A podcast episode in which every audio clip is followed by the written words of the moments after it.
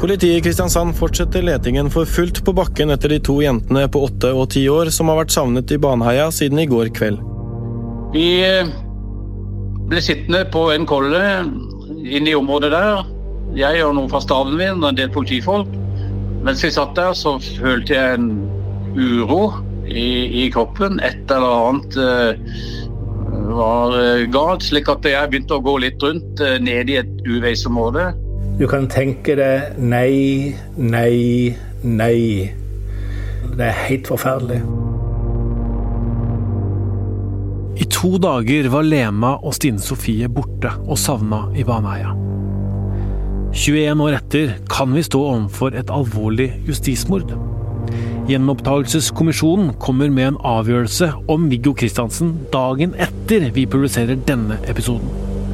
Så vi kommer med en spesialepisode om det litt seinere den dagen. Men nå skal det handle om jentene, og om hvordan en badetur i finværet blei til et mareritt i Kristiansand. Jeg heter Tor Erling Tømt Ruud, og dette er Krimpodden i VG.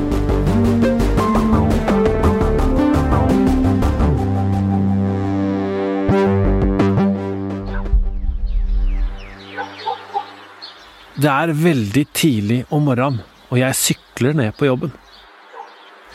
Det er fint vær ned bakkene ned til NRK Sørlandet, som den gangen lå på Tangen i Kristiansand, rett ut mot havet der. Jeg låser meg inn i de store NRK-lokalene og logger meg på. Dette er første gangen jeg er aleine her. Som ekstravakt ved siden av studiene skal jeg for første gang lese de lokale nyhetene helt aleine. Jeg er 21 år gammel. Det er lørdag 20. mai i 2000. Distriktsnyheter fra NRK Sørlandet.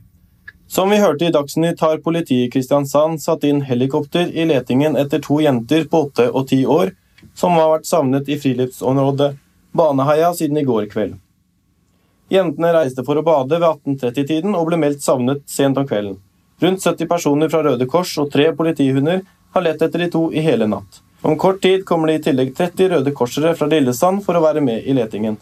Jenta på åtte år hadde på seg hvit bukse, grønn vindjakke og en blå caps. Den tiårige venninna hadde på seg rød vindjakke, sort bukse og hvit caps. De to bar på en pose med badetøy. Politiet oppfordrer om å ta kontakt hvis noen har sett jentene. Ja, Det var på eh, radioen eh, tidlig på morgenen på lørdagen. Da hørte jeg på NRK og Sørlandssendinga at uh, det var full uh, leteaksjon og en uh, sak gående der to barn var forsvunnet og vekke. Det her er Stein Borgersen. Han skal bli viktig i Baneheia-saken. Han får ikke ro når han hører på radioen. Her er det noe han kan bidra med. For nå er folk ute og leiter. Politiet, naboer, Røde Kors og speidere fra hele området. De leiter overalt. De to jentene blei meldt savna da de ikke kom hjem etter en badetur fredag kveld. Jentene var vant til å gå til badevannet. Det var jo rett ved siden av der pappaene deres bodde. De var flinke til å svømme, og de skulle jo bare gå en liten tur. Men så gikk tida. Faren til hun ene var ute samme kveld og leita. Hvor er de hen? Kanskje ropte han etter dem? Til slutt måtte han melde fra til politiet. Jentene var borte. Jeg tenkte jo det to jenter og savna siden i går kveld, at det var uvanlig. Hjemme i Kristiansand våkner også journalist Frank Mersland til nyhetene som jeg leser på radioen. Han jobba sammen med meg på NRK Sørlandet på den tida. Han er en sånn skikkelig journalist. Han stiller alltid spørsmål. Veldig interessert han er tettbygd og en solid fyr.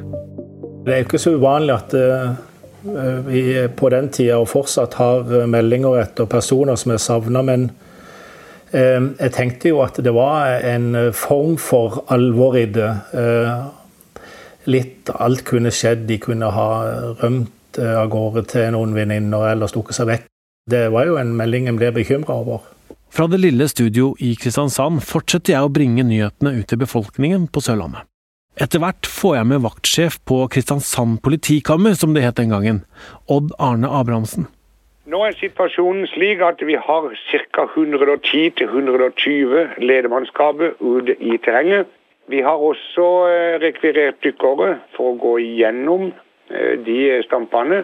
Videre så har vi da rekvirert nye politihunder som kan søke der de måtte finne det hensiktsmessig. I dette tilfellet så står det ikke om ressurser. Det er lørdag, så folk har stort sett fri. Så vidt jeg husker, da. eh, Det er jo eh, 21 år siden snart, dette her. Men, men eh, så jeg holdt på med noe eh, havarbeid. Eh, Det er sånn en driver på med på den årstida der. Og eh, vi bor jo tilfeldigvis sånn at vi ser rett over på, på Bymarka, altså på Egsida, som er en forlengelse av, av, av Baneheia eh, nordover. Eh, Og da mener jeg eh, bestemt at jeg så noen helikopter, eller et helikopter som drev og søkte eh, over der, og tenkte da på at det må være eh, det må være i forbindelse med forsvinninger, for det var jo det aktuelle området de hadde forsvunnet i. da, Så eh, det var vel også da en tanke slo meg at uh, dette, er, dette er alvor på et eller annet vis. Det var det jeg tenkte da. Jeg tenkte ikke noe på hva som kunne være skjedd, eller uh, Men uh, nyhetsmannen i meg ble jo nysgjerrig. Stein Borgersen, som vi hørte helt først, følte han måtte hjelpe til. For meg, når to barn er vekke og ikke kommer hjem i løpet av kvelden, så er det en klar eh, kriminalsak. Så jeg venter til litt over lunsj. Baneheia er friluftsområdet i Kristiansand. Det er der folk går turer, jogger og bader. Det er flere badevann der. Og på kristiansandsk heter de stamper. Det var tredje stampe ti år gamle Lena Sløgdal Paulsen og åtte år gamle Stine Sofie Sørstønen gikk for å bade i.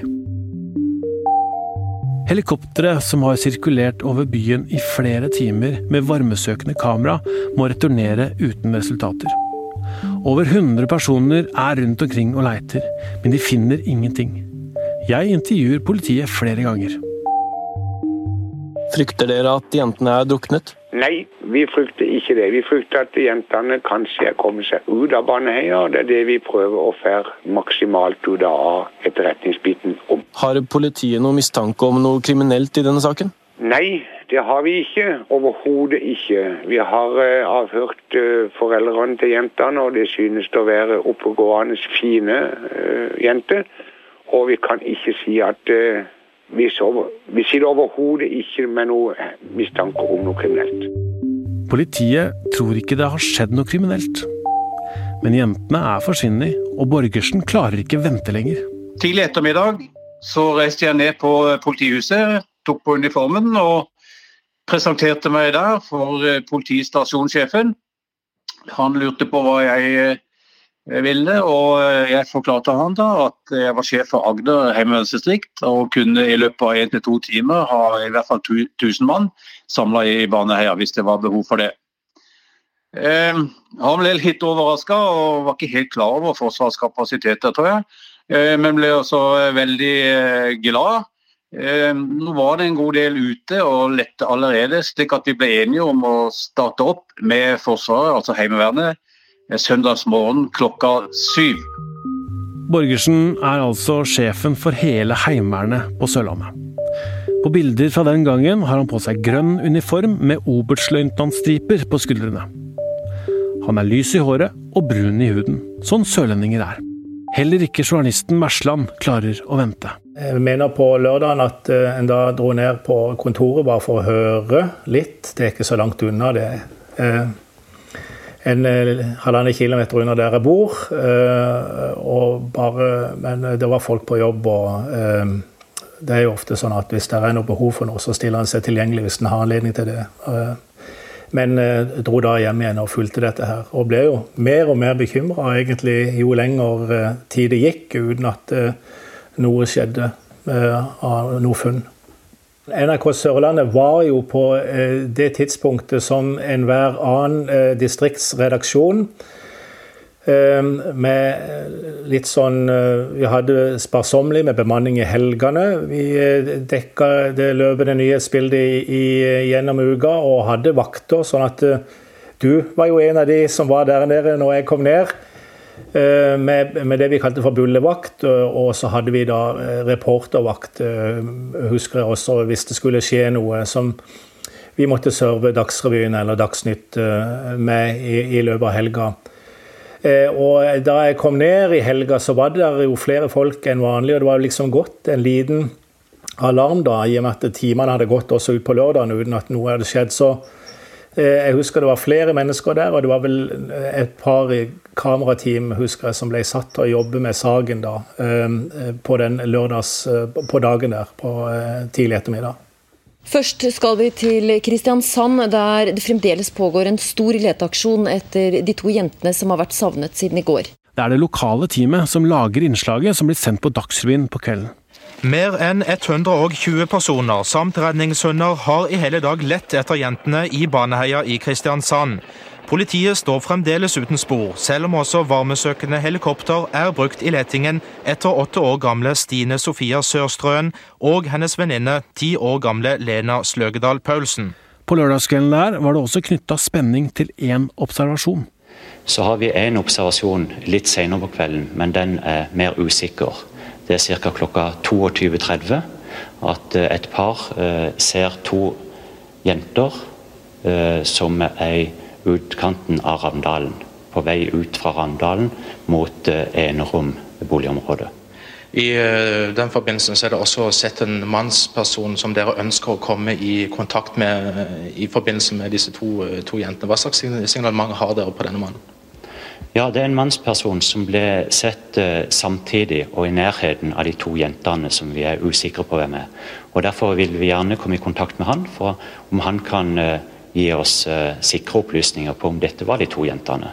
Denne mannen som ble sett med to jenter i området, viste seg å være en far som henta sine døtre. Så blir det natt, og ingen leiter lenger. Men noen blir igjen i Baneheia for å lytte. For når det er stille og ingen mennesker i området, kanskje klarer de å høre noe. Det forblir stille.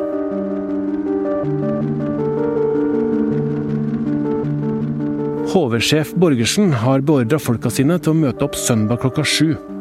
De får utdelt sektorer som de skal søke i. Med noen få meter imellom seg går heimevernssoldatene Mangar. De finkjemmer områdene, og de finner faktisk et lik. Det viste seg å være en mann som hadde blitt borte fra et sykehus noen år tidligere. Så holdt vi da på utover dagen. På søndags ettermiddag så hadde jeg med en ca. 70 mann ned på området Grim. Der hvor eh, den ene av disse jentene bodde, og den andre var på besøk. Og vi tråla gjennom eh, alt av garasjer, kjellere osv. Banka på hus. Eh, for å eh, endevende det området der. Eh, vi fant ingenting. Borgersen går med radio på seg, et samband som han deler med politiet. Seint på ettermiddagen søndag skjer det et gjennombrudd. Så fikk jeg en melding på radioen om at uh, det var funnet uh, blodig håndkle, blodig tøy, i en liten demning inne i Baneheia. Posen med det blodige innholdet er for jentene. Frank Mersland blir sendt ut for å intervjue ordføreren i Kristiansand, Bjørg Vallevik. Ordføreren som hadde blitt informert om ledeaksjonen, var et naturlig sted å gå for å få noen i tale. Eh, jeg husker vi kjørte, Hun, bor, eh, hun, bor med, hun bodde på det tidspunktet rett ned med sjøen i det vi kaller for Bertesbukta, og i et hus rett med stadion der. og vi banka på, og hun åpna opp. Og jeg har dekka mye forskjellig, bl.a. politikk i Kristiansand i, i, mange år, så vi var godt kjente. Um, og da så jeg at for det første var hun alvorlig, og hun sa du må bare gi meg ett minutt, husker jeg. Uh, og så sto vi der i døråpninga og, og intervjua henne. Og uh, hun fortalte at det var funnet klær, og hun hadde altså Denne voksne, uh, sindige dama som har vært gjennom veldig mye, uh, var svært berørt av det hun hadde blitt fortalt rundt dette. Og det var et alvor som smitta over på oss som sto der. og Du får en opplevelse da at det her er det noe grusomt som har skjedd. Selvfølgelig. men det ble veldig tydelig der og da. HV-soldatene blir satt til å vokte det stedet der posen med de blodige klærne og håndklærne blei funnet. Borgersen, som er sjef, og noen andre blir sittende på en kolle. Og så får han den uroen i seg igjen. Klarer ikke å sitte stille det var det med å, å, vente, og jeg følte jo veldig sterkt at nå er det, nå er det noe her. Når man finner et blodig håndkle, så eh, Og da passer det ikke noe særlig å, eh, å vente. Eh, slik at jeg måtte bare opp og, og gjøre et eller annet istedenfor å sitte passivt og vente på, på hundeekvipasjene mine. Så det var en sånn håper å si, instinkt eller noe i nærheten da, som gjorde at jeg måtte bare komme, komme i gang. Bevege meg, gjøre noe. Så han begynner å gå rundt og bruke øya. Tett kryp furu, einerbusker osv. Føler han på seg at det er noe her? Og etter en liten stund så merka jeg meg en kvist eh, høyt oppe på en einer eh, som var eh, brekt av, og du så et sånt lyst sår i den. Det passa ikke med det som skulle være naturlig. Kanskje jeg var inne på noe og kikka nøye rundt der. og Etter hvert så jeg en forhøyning i terrenget som jeg syns virka litt unaturlig. Godt kamuflert. Ehm, gikk bort til den eh, og forsto da at her lå det antagelig noe under. og Når jeg løfta opp den eh, kvisthaugen, så fant jeg begge jentene liggende nedi en dump der.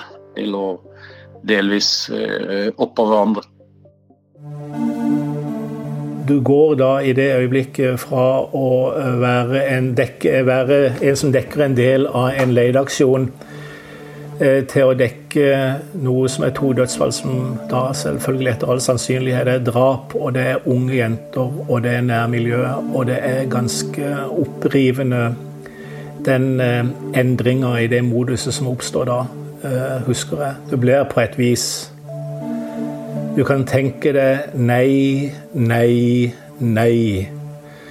Eh, som slår inn over en eh, på det personlige plan. Det er helt forferdelig. Og jeg husker det var nok en følelse som prega oss som jobber med det, på samme måte som det prega byens befolkning, som etter hvert fulgte med på dette ganske nært. HV-sjef Stein Borgersen har vært i Baneheia etterpå også. Men det som møtte ham i tett kratt og ulendt terreng, har brent seg fast. Jeg ble jo kald. Du kan si du er på jobb og skal gjøre en profesjonell jobb. Og, og det var jo overmåte viktig å finne disse jentene. Og, og, eh, du får jo frysninger på ryggen, og det er klart når når du løfter opp eh, Kvisthaugen eh, og ser det du da ser, så, så blir det veldig sterkt. Og det, det drar du bare med deg. Og jeg tenkte jo på foreldrene først og fremst. Vi så jo de i Baneheia, fortvilelsen i ansiktene deres. Så tenkte jeg at nå, nå er de i alle fall funnet, selv om det er en forferdelig tilstand. Når jeg fant dem, så ble det noe sånn definitivt. Der var de, og da er liksom den biten klar. Og så er det jo den forferdelige neste biten. Hvem i all verden har gjort dette?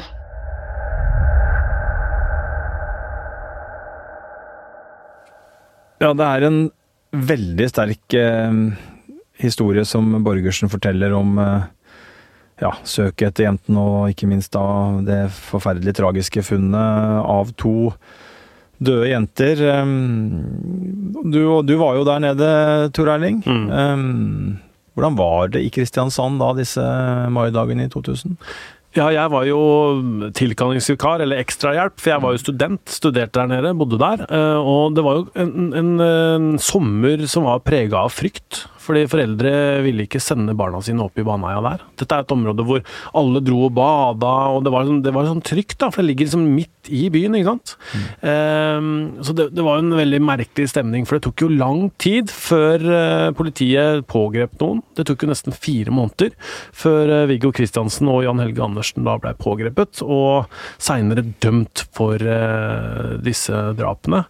Og det som er spennende nå, da, ikke sant, er jo at Viggo Kristiansen har begjært saken sin gjenopptatt for ja, er det sjette-sjuende gang. Og Gjenopptakelseskommisjonen kommer da med en avgjørelse i den saken i morgen. Mm. Da skal vi komme med en eh, episode om det, Øystein. Men, men hva kan vi si om den eh, avgjørelsen som Gjenopptakelseskommisjonen skal ta? Nei, det er jo eh, nå eller aldri, vil jeg si, for Viggo Kristiansen. Som du sier, så har jo han hatt uh, saken sin for kommisjonen flere ganger. Men aldri har det vært så grundig behandling som denne gangen. De som har fulgt med litt, vet jo at dette har tatt lang tid, eh, og det har vært utsettelse på utsettelse på utsettelse av ulike årsaker.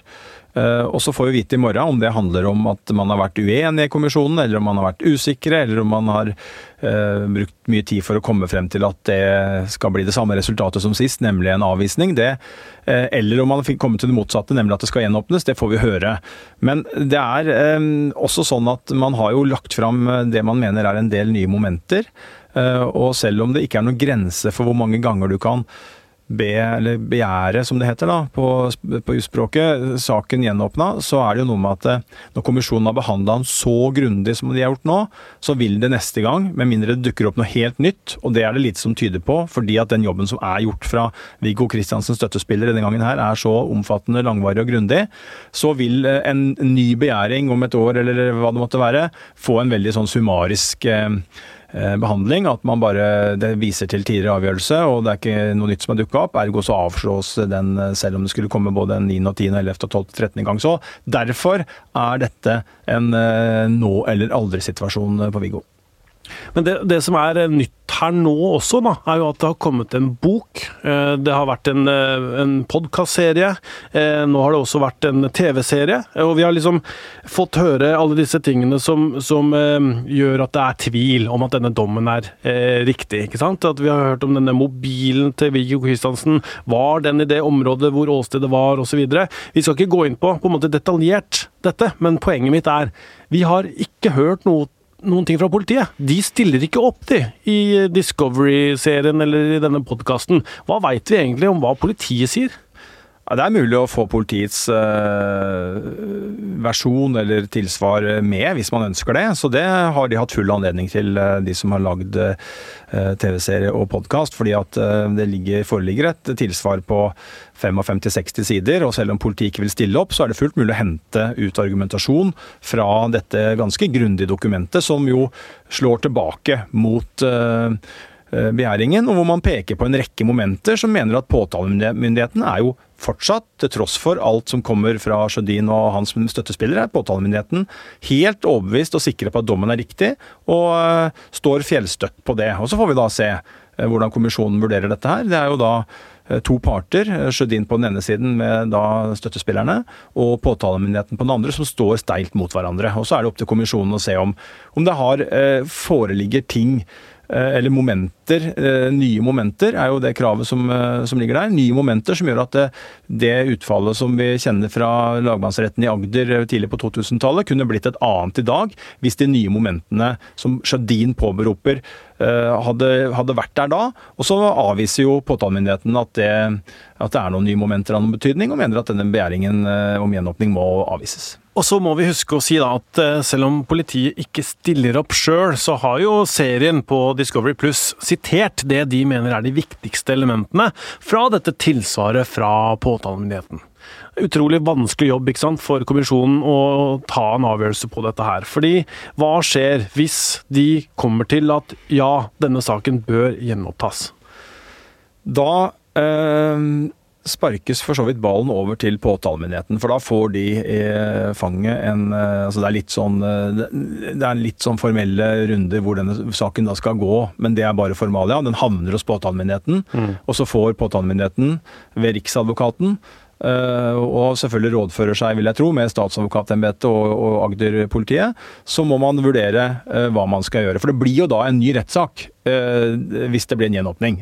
Og så er det hvordan den rettssaken blir, som er det store spørsmålet. Fordi at det kan være at man da og dette er fra, altså, vet vi fra tidligere saker. Hvis man da kaster korta, for å bruke et godt norsk uttrykk på, mm. på hva påtalemyndigheten kan gjøre, så er det jo at man går i retten og så legger man ned en frifinnelsespåstand. Mm. Og Da er det en ganske enkel og grei. Da er det ikke mye vitner og det er ikke noe langvarig rettssak. Da kommer man bare sammen i retten. Påtalemyndigheten redegjør eh, kort og greit for hvorfor man mener at man skal eh, ikke kan eh, at man må gå for en frifinnelse. Og så vil jo da etter alle solemerker, selv om retten selvfølgelig tar egne vurderinger og avgjørelser, så vil jo etter alle solemerker da domstolen følge den påstanden som jo da både Sjødin vil være enig i, og som politiet da vil være en, eller påtalemyndigheten vil nedlegge, og som retten kommer til å følge. Mm. Og Da blir det på en måte en, en frifinnelse. Og så blir det selvfølgelig da helt sikkert et spørsmål om erstatning osv. I, i neste runde, og, og et etterspill rundt det. Det er den ene muligheten. Den andre muligheten er jo at påtalemyndigheten da eh, begjærer, eller ber, altså bestemmer seg for å gå i retten på nytt med tiltalebeslutningen med en full bevisførsel. Eh, og søke å få Viggo Kristiansen domfelt igjen. Eh, og det har også skjedd før. At man har fått gjenåpning av saker, men at man har da gått ny runde i retten og fått, og fått domfellelse. Så at det er ikke noe frifinnelse av Viggo Kristiansen som kommer Eh, på torsdag hvis saken blir gjenåpna. Da er det påtalemyndigheten som er nødt til å ta stilling til hvordan man behandler saken, og så vil det være i hvert fall to veier der. Hvis han blir gjenåpna, da, og de kommer til det, så sitter jo Viggo Kristiansen inne. Han sitter jo på forvaring. Kommer han da til å bli løslatt? Eh, så vidt vi har funnet ut, eh, så vil han umiddelbart ikke bli det. Fordi at dommen er jo fortsatt ikke ugyldig. Det er en dom, altså Straffesaken er gjenåpna. Det betyr at man skal se på den på nytt. Men sånn som vi har forstått det etter å ha snakka med en del eksperter, så så, eh, og Der kan vi jo godt svinge innom da en høyesterettsavgjørelse i 2007, eh, hvor eh, den bombesaken, hvor det ble en opphevelse av en dom. Men det var fordi dommeren var inhabil. Mm. Ergo så var ikke det en, en uh, gyldig dom uh, som forelå. Da måtte vedkommende løslates. Men her er det jo ikke noe inhabilitetsproblemer, her er det en bevisvurdering. Og da er det sånn vi forstår det, så får vi ta de forbeholdene nå, Tor Erling, så ikke vi sier noe feil. Men ut mm. fra det vi har klart å finne ut av ved å snakke med, med flere som har, har atskillig greie på juss, så er det sånn at uh, påtalemyndigheten kan fortsatt, eller altså Viggo Kristiansen kan fortsatt sitte og, i påvente av hva som skjer. Uh, men det vil samtidig være sånn at i det øyeblikk påtalemyndigheten tenker at hm, hvis det skulle bli sånn at man da tenker å kaste kortene og, og tenker at det blir en frifinnelse, så sier det seg sjøl at man kommer til et punkt hvor man er pliktig til å vurdere det. Man kan ikke sitte, tror jeg, da, og sitte og på en måte holde han i eh, lås og slå, og så, og så plutselig komme og si at ja, men vi kaster korta, fordi da har en Eh, da har det selvfølgelig vært en avgjørelse som er truffet for en tid tilbake, og da plikter man jo selvfølgelig, hvis man mener at han er uriktig dømt og skal frifinnes, så skal han jo løslates, i hvert fall etter mitt hode, i det øyeblikk man bestemmer seg for at det er tilfellet, uavhengig av denne eventuelle rettssaken. Mm. Det blir mye hvis her, da. Men, men eh, hvis Gjenopptakelseskommisjonen kommer til den andre konklusjonen, da, at han eh, ikke får saken sin gjenopptatt, hva skjer da? Nei, da skjer det ikke så veldig mye. Eh, da, da er jo dommen fra 2000-tallet, begynnelsen av 2000-tallet, da er den eh, fortsatt eh, Da står den, og da har han fått avvist nok en begjæring om, om gjenåpning. Og da vil det jo bli det vanlige sporet som vi har litt, hørt litt om, og det er jo da eventuelt om man skal hvor lenge han skal sitte på forvaring, som jo eh, er en prosess som foregår uavhengig av det som skjer i kommisjonen, og som det jo var en nyhetssak om ikke, for ikke så veldig lenge siden. Det handler jo om at eh, fengselet vil holde på Viggo. Det er jo en vurdering som de, de gjør fordi han sitter på forvaring osv. Men hva, hva, skjer da med altså Vi har hørt alle disse argumentene i, i bøker og, og podkaster og serier osv. Den som tror at, at, Viggo er uskyldig. Det er mange av våre lyttere også som, som har meldt inn til oss og, og, og sier at de de tror på det. Hva, hva skjer da? Nei, eh, altså det er klart øh, Om det blir ro rundt denne saken, øh, det tror jeg jo ikke. Til det så er det for mange som har for stort engasjement, og det er jo bra at folk engasjerer seg, og at rettsavgjørelser diskuteres. Og så er det jo Men, men jeg vil jo tro at det er klart, da, da er da kommer man jo ikke så mye lenger, sannsynligvis. Eh, med mindre det dukker opp noe helt nytt, da. Mm. Så er på en måte løpet litt kjørt i forhold til å få saken opp igjen på nytt.